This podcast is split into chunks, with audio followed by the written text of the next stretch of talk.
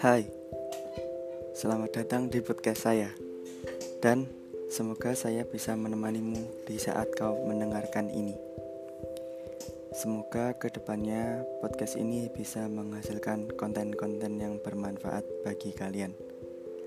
Oh iya, sebelumnya saya minta maaf apabila bahasa saya terlalu medok Karena saya lahir di Jawa tepatnya di kota Blitar.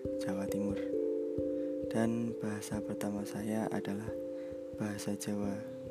Maka dari itu, sekali lagi saya minta maaf apabila aksen dalam berbahasa Indonesia saya terdengar medok.